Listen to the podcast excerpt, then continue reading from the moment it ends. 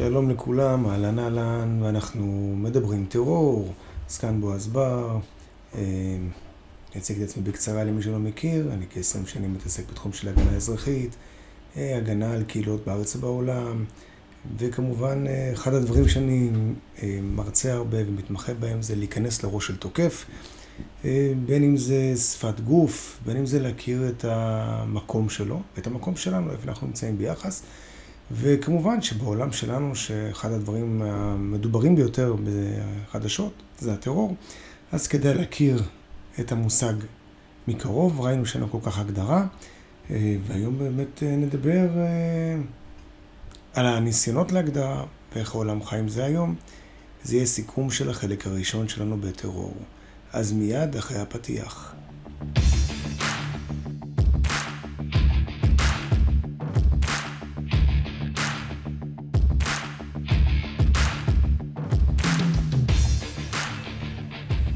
שוב שלום לכולם.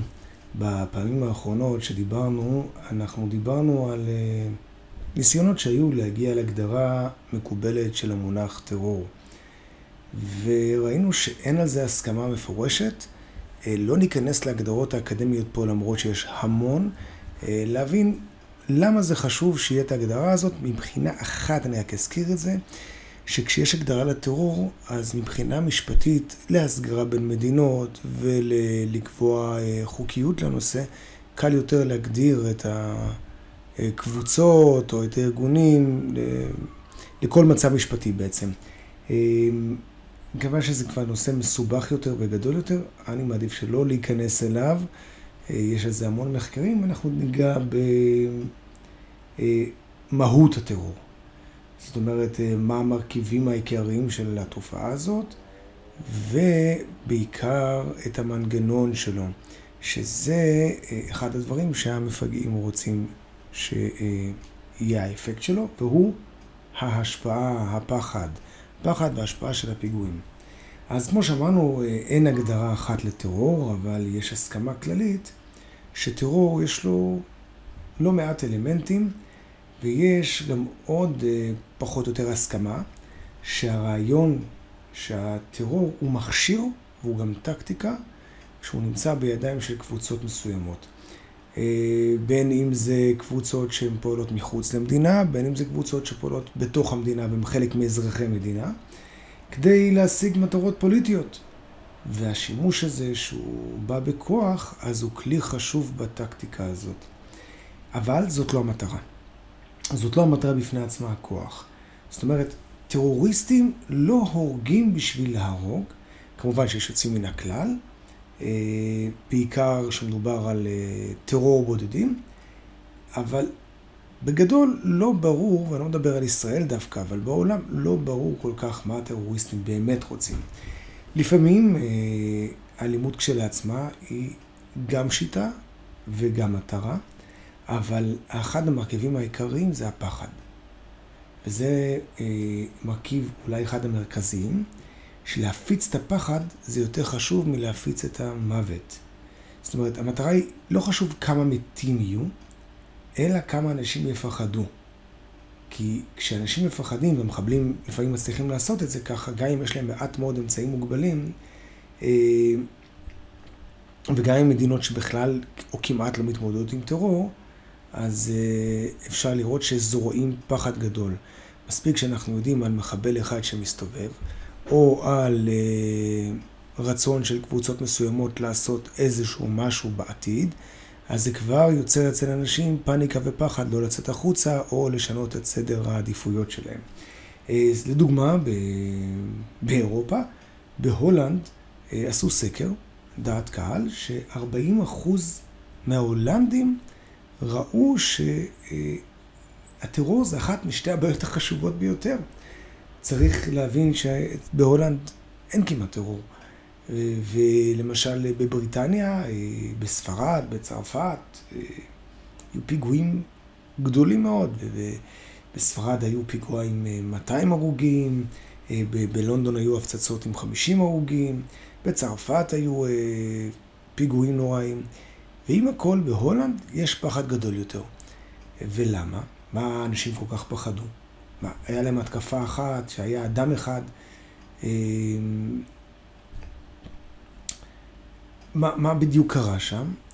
אז אפשר לטעון שאותו אדם, אותו מפגע, אותו טרוריסט, הצליח לייצר הרבה מאוד פחד לפעולה אחת. מה הוא בסך הכל הרג אדם אחד. אבל אה, זה ידוע שאנשים מודאגים מטרור, ושזה מה שהם שומעים בחדשות, וכשמרגישים שנכנסים למדינה אנשים, הם מוסלמים או מהגרים, אה, ואין להם כל כך שליטה עליהם, אה, והם יודעים שרוב הטרור הוא טרור קיצוני, מוסלמי, דתי, כי זה הגל הנוכחי, אז יש להם פחד. היה אחד, אחד הראשונים שכתבו, אחד החוקרים הראשונים, בשם בריין ג'נקינס בשנת 75, הוא הדגיש שהטרור לא עוסק בעיקר בהרג, אלא יותר בהפחדה. מה הטרוריסטים רוצים? שאנשים יצפו. הם לא רוצים שאנשים דווקא ימותו. ואני, וגם אני חושב שהרבה חוקרים, חושבים שהאמירה הזאת היא נכונה ברוב מקרי הטרור. באותם שנים שאנחנו מדברים, שנת 72, היה הפיגוע, הרצח הידוע של הספורטאים במינכן. ובזמן שהעולם צפה אה, על מסכי הטלוויזיה בשידור חי, הטרוריסטים בעצם השיגו את המטרה שלהם, שרוב העולם ידע שהם גוף שקיים, הם יוכלו להגיע לכל מקום בעולם מחוץ לגבולות שלהם. אה, ולא משנה גם אם יש אה, שמירה. בין אם הרלוונטיות השתנתה במהלך הזמן או לא, ואנחנו היום גם מי שישמע את זה אחרי זה, אנחנו היום ב-11 לתשיעי, שהוא תאריך מאוד מאוד ידוע. אה, אנחנו נדון בזה גם כן באחד הפרקים שלנו. ב-11 לתשיעי שנת 2001, הפיגוע הידוע שנהרגו בו כמעט 3,000 אזרחים, אה, שזה הרג המוני. ועם כל זה, אה, גם בעבר, גם כיום, עדיין לא מדובר רק בהרג. זה לא היה העניין של אל-קאעידה דווקא ההרג, אלא בדרך עניין של נראות ושל לזרוע פחד גדול. היבט חשוב שהיעד הישיר של הפיגועים זה לא רק לעיתים רחוקות, אלא גם המטרות העיקריות, זה להסביר למשל אה, ששם ההתקפות ב-11 לתשיעי, אה, זה היה מטרות עקיפות. המחבלים שם לא רצו להרוג באופן ספציפי את כל השלושת אלפים איש שהיו שם. מה הם רצו בעיקר? הם רצו למשוך תשומת לב. הם רצו לגרום פחד גדול באוכלוסייה הכללית. אה, המטרות העיקריות זה היה רשויות אמריקאיות. זה היה מרכז הפיננסי העולמי, הפנטגון. אה, והאלימות של הטרוריסטים של אל-קאעידה היא לא כוונה דווקא לאלה שמתו. אלא בעיקר לאלה שממשיכים לחיות. אז היעד של הטרוריסטים העיקרי הוא אנחנו, הציבור שחי. זה אתה, זה אני, זה את, זה כל הקהל. והאסטרטגיה היא להרוג אדם אחד ולהפחיד מיליונים. מה הם רוצים? שנפחד, שנכעס, שנגיב יתר על המידה. ולעיתים גם מצליחים, ולפעמים אפילו די בקלות.